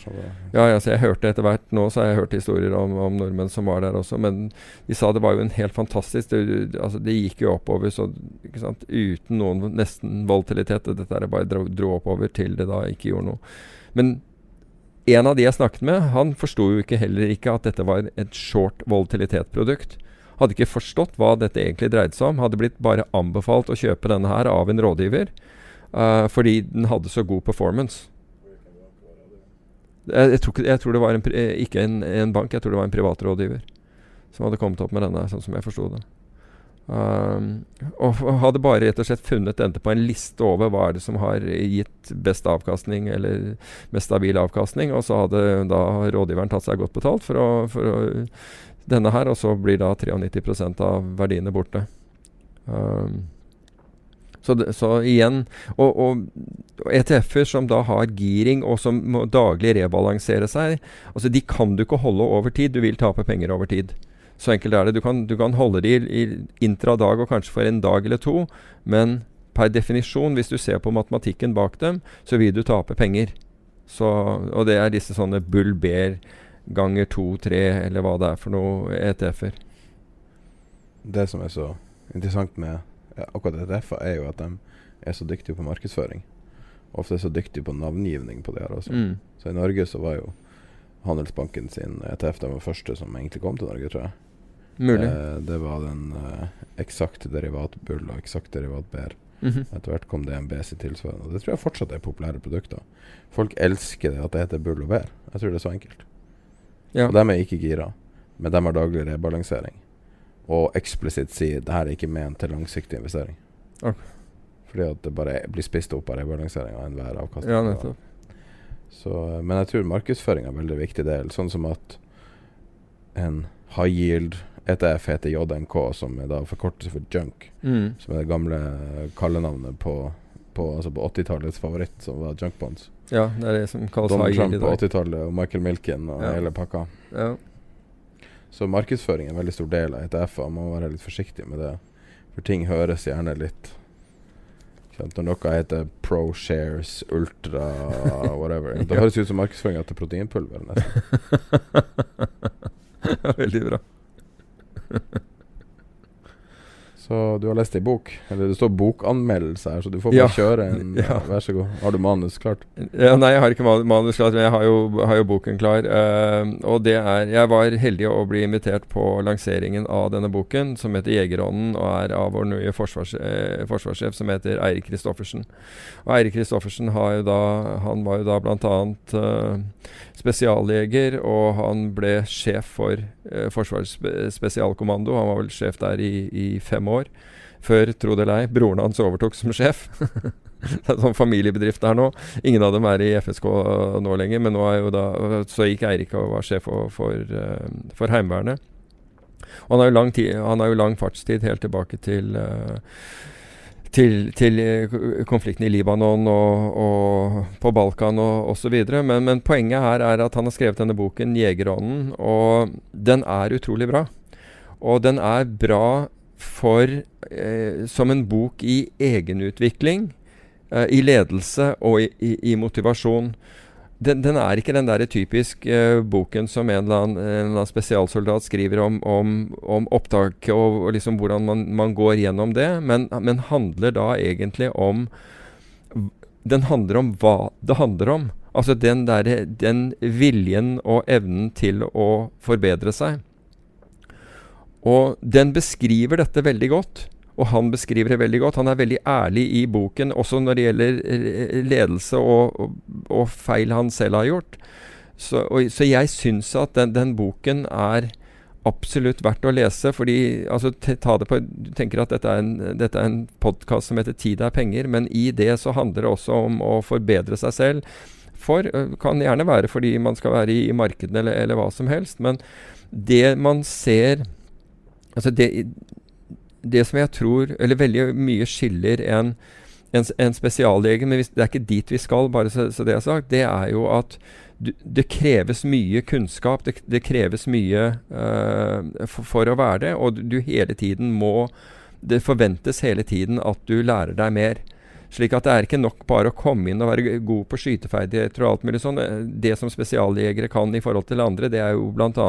å og, og, ildledelse av, av, eh, av, av tunge våpen, lede fly mot mål, en hel haug av andre egenskaper som, som du får underveis. Men, og det handler jo veldig mye livet om også, det der å lære seg mer. Og hele tiden forsøke å utvikle seg og lære seg mer, og litt om motivasjonen for, for å gjøre det. Og han forteller da mange eksempler på det som jeg i hvert fall syns ville være ekstremt nyttig for dette har ikke noe med noen som, nødvendigvis noen som skal en mili militærkarriere, men egentlig en måte å se på egenutvikling, altså sin egen Utvikle sine egne ferdigheter og, og motivere seg til, til, til å gjøre det. Det, det trengs ikke å gjøre i, til- det ekstreme, men i, i, det, i det daglige hvordan man forsøker å, å forbedre seg. Og som sagt, jeg syns at ledelseseksemplene hans er også ekstremt gode. Både på, på, på de tingene som du oppfatter at han gjør riktig, men også de tingene han forteller om seg selv, hvor han, hvor han, hvor han gjør feil. Eller hvor andre, og andre kritiserer han i et tilfelle i, i, i boken kritiserer han for, å- for å si at han undergraver sin egen, eh, sine egne eh, sin, sin egne, han, er, han er sjef, og han undergraver eh, i, i et tilfelle autoriteten til en, en, av, en, en av sine soldater som er på bakken, eller en skvadronleder som er, er på bakken. Og det er, det er sånne ting som er veldig lett å gjøre, og veldig lett å, å gjenkjenne. Og jeg har sikkert gjort mange ganger samme type feil selv, men han har, han har skrevet det på en måte hvor Jeg tror alle finner eh, det er, det er lett å gjenkjenne seg selv i, i, i, i forskjellige roller her. Og det er også lett å oppdage, tenke etterpå at ja, vet du hva, det er, en, det er en bedre måte å se det på enn det jeg har gjort. Det er vesentlig bedre. Så, så derfor så vil jeg ta noe så uortodoks som en bok helt utenfor, uh, utenfor finans, uh, og, og, og, anbefale denne. Og dette er ikke, dette er ikke, dette er ikke primært noe, no krigsbok, for å si det på, på, den måten, selv om selvfølgelig det har en kontekst av hans uh, erfaring og liv gjennom, gjennom den tjenesten, men den, den er hva jeg ville kalle allmennyttig. Det er poenget. Og så skal vi runde av uh, dagens episode med litt om det norske high. Ja. Det, det interessant der var fordi Maria Granlund, som er hos Alfred Berg, hun skrev da en uh, kronikk i Dagens Næringsliv i forrige uke angående det norske high yield-markedet. Fordi det har jo kommet tilbake igjen uh, etter Altså har, kursene har kommet opp igjen etter, etter det verste av, av, koronakrisen. Men det er fortsatt en avstand. Men det, det har gått bedre. Uh, europeiske high yield har gjort det, har gjort det mye bedre enn det norske, og amerikanske high yield. Og hun forklarer det med bl.a. at det er, altså du, det er ikke transparent handel i det norske. Akkurat de tingene som vi har påpekt i, i, tidligere og kritisert det markedet for. Det er et meglermarked hvor meglerne kan sitte på informasjonen og ikke dele den, fordi de har mer bruk for den, for den, for den informasjonen. De lar den ikke flyte ut. Og hvis kjø, selv hvis du skal ha kurser vite hva som har skjedd etter at handelen har, har, eh, har, har, skjedd, altså på, på, dagen. Altså med andre ord, Du kan ikke delta i handelen lenger fordi, fordi, markedet er stengt. Så må du betale ganske mye for, for de kursene. Det som egentlig burde vært gratis. Det burde i hvert fall vært gratis. Og hun sier det der er mangel på elektronisk handel og mangel på risikotagere, altså at, at det finnes profesjonelle risikotagere, at meglerhuser eller banker eller noe sånt deltar i marketmakingen, gjør at at, man, at, bedriftene rett og slett må betale en høyere rente i Norge enn du må i Europa og USA. Så det går direkte på utover bedriftenes lønnsomhet, det at du ikke har et bedre marked. Og hvis du trenger bevis på det her, det er den så vidt jeg vet, høyeste lønna i finans. Det er, det er mulig. Et eh, meglerhus har en haug med folk under 30 som tjener over 30.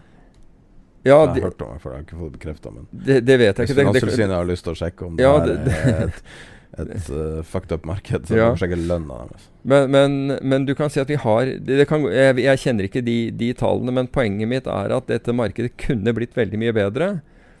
Eh, dersom man hadde gjort det transparent, dersom, dersom alle kunne se det. Og en ting som irriterte meg voldsomt, det var under koronakrisen, eller rett etterpå, det var når meglere fortalte at de hadde kjøpt noen av disse obligasjonene. Det var meglere selv, privat, hadde kjøpt, hadde kjøpt obligasjoner til, en, til, til, veldig lave priser. Priser som aldri ble vist til markedet.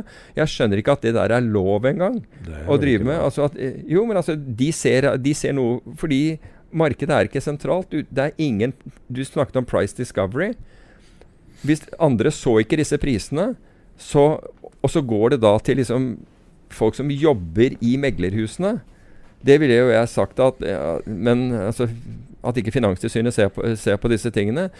Sverige er ikke noe bedre for øvrig når det gjelder dette. her. I Sverige så er 35 fond Uh, suspendert 35 high yield-fond i Sverige suspenderte, uh, suspenderte innløsninger. 35! I Norge tror jeg vi hadde ett, men vi hadde kanskje i, i realiteten flere.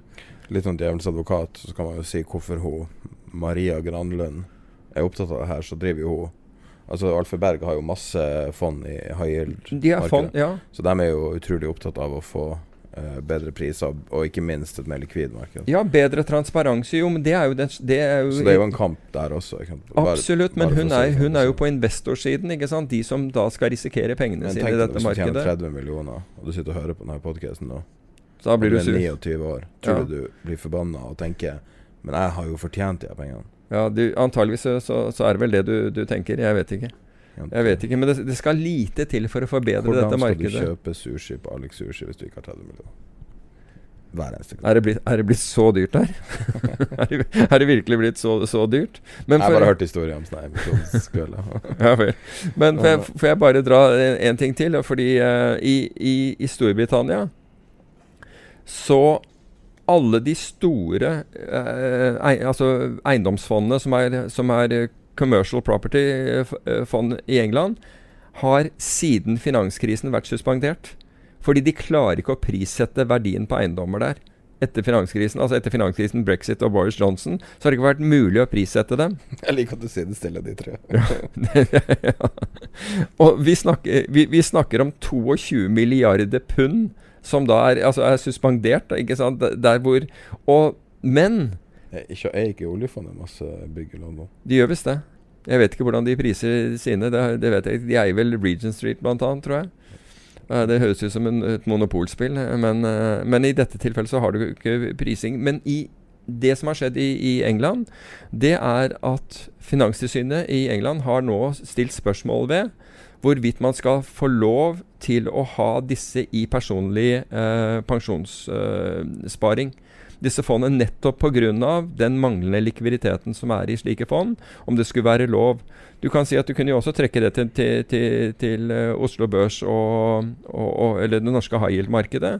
Hvis Finanstilsynet, men det, så kreative er de neppe, begynte å se på er det rimelig at, at, de har daglig likviditet. De får lov å, å, å, markedsføre daglig likviditet på de fondene som ikke har det ved, ved en, i, en, i, en, i, en, krisesituasjon. Daglig likviditeten har de gjennom å ha en cashbeholdning.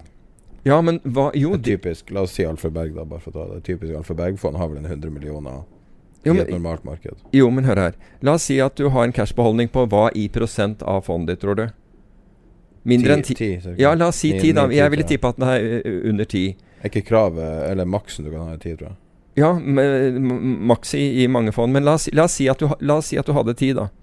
Hva betyr det? Jo, det betyr at de første investorene tømmer den, den biten der ikke sant? Ved, ved å begynne å innløse. Hva skjer etter at de 10 er borte? Det sier seg sant? Altså, det, det, er jo bokstavelig talt en ponzi-scheme. Da, får, da, da får du sånn à la det, det, det, det trønder uh, high yield-fondet. Da, jo, men da er jo akkurat det. Skulle ha med det. Det, Nei, har men, det har vært mye fra Trøndelag i det siste. Nei, det, det, er ikke det, jo, Ikke Giske, altså, ikke det er, det, er bare, det er bare en, en av dem. Men, men da, da, får du akkurat den type tilstand. Og hadde, ikke, hadde, på en måte ikke sentralbanker kommet inn og kjørt markedene opp igjen, så hadde du hatt en helt annen situasjon i dag. i dette. Og Nå sier de at nå, det, nå, det, nå emitteres det hele tiden. Det er rekordetterspørsel etter, de, etter disse obligasjonene. Det er vel rekordetterspørsel etter penger, tenker jeg, mer enn en disse obligasjonene, fordi rentene er, er, er lave. Men investorene som går inn der nå, altså hvis det er da disse fondene får inn, inn penger, så du har akkurat den samme runddansen. Og får du da et vedvarende nedgangsmarked, så skal jeg love deg, du bør være en av de aller første som innløser i et sånt fond, for da bruker de, som du nevnte, cashreserven sin til å, til å betale deg ut. Det, det, er to ting som er ofte sånn, sånn symptom, altså ting som folk blir anklaga for for mye i forhold til hva det reelt er. Det å være psykopat, og det å være en ponzi-scheme. En ponzi-scheme er en høyst spesifikk ting. Mm. Det er at du basically betaler utbytte til folk med nye innskudd. Ja. Og og når du ser på hvordan de her uh, high er, så er det til forveksling lik en ponseski med en gang det blir press.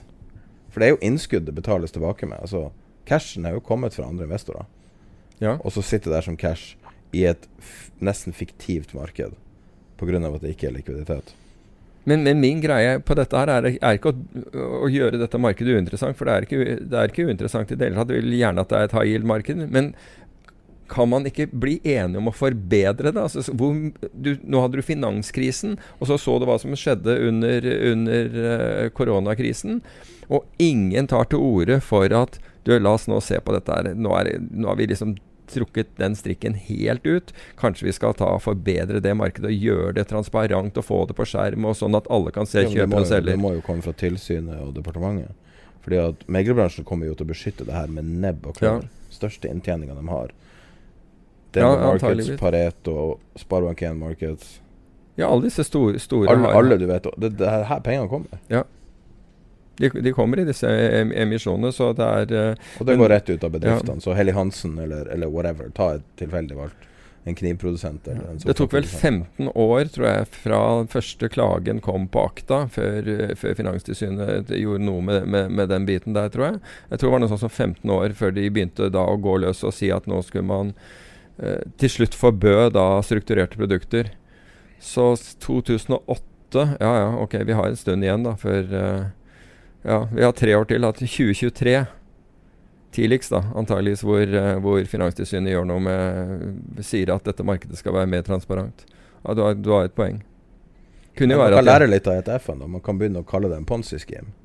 Bare begynne med markedsføringa. Ja. Altså Jeg føler at det er liksom å gå for langt. Man kan ikke liksom å gjøre det, det med, med, med markedet heller. Det kan, altså, men det er, i gode dager så er, det, så er det et bra marked. I dårlige dager så er det ikke et marked. Sånn, så enkelt er det.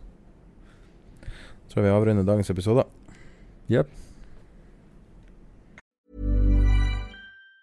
Even on a budget, quality is non-negotiable. That's why Quince is the place to score high-end essentials at 50 to 80% less than similar brands. Get your hands on buttery soft cashmere sweaters from just 60 bucks, Italian leather jackets, and so much more.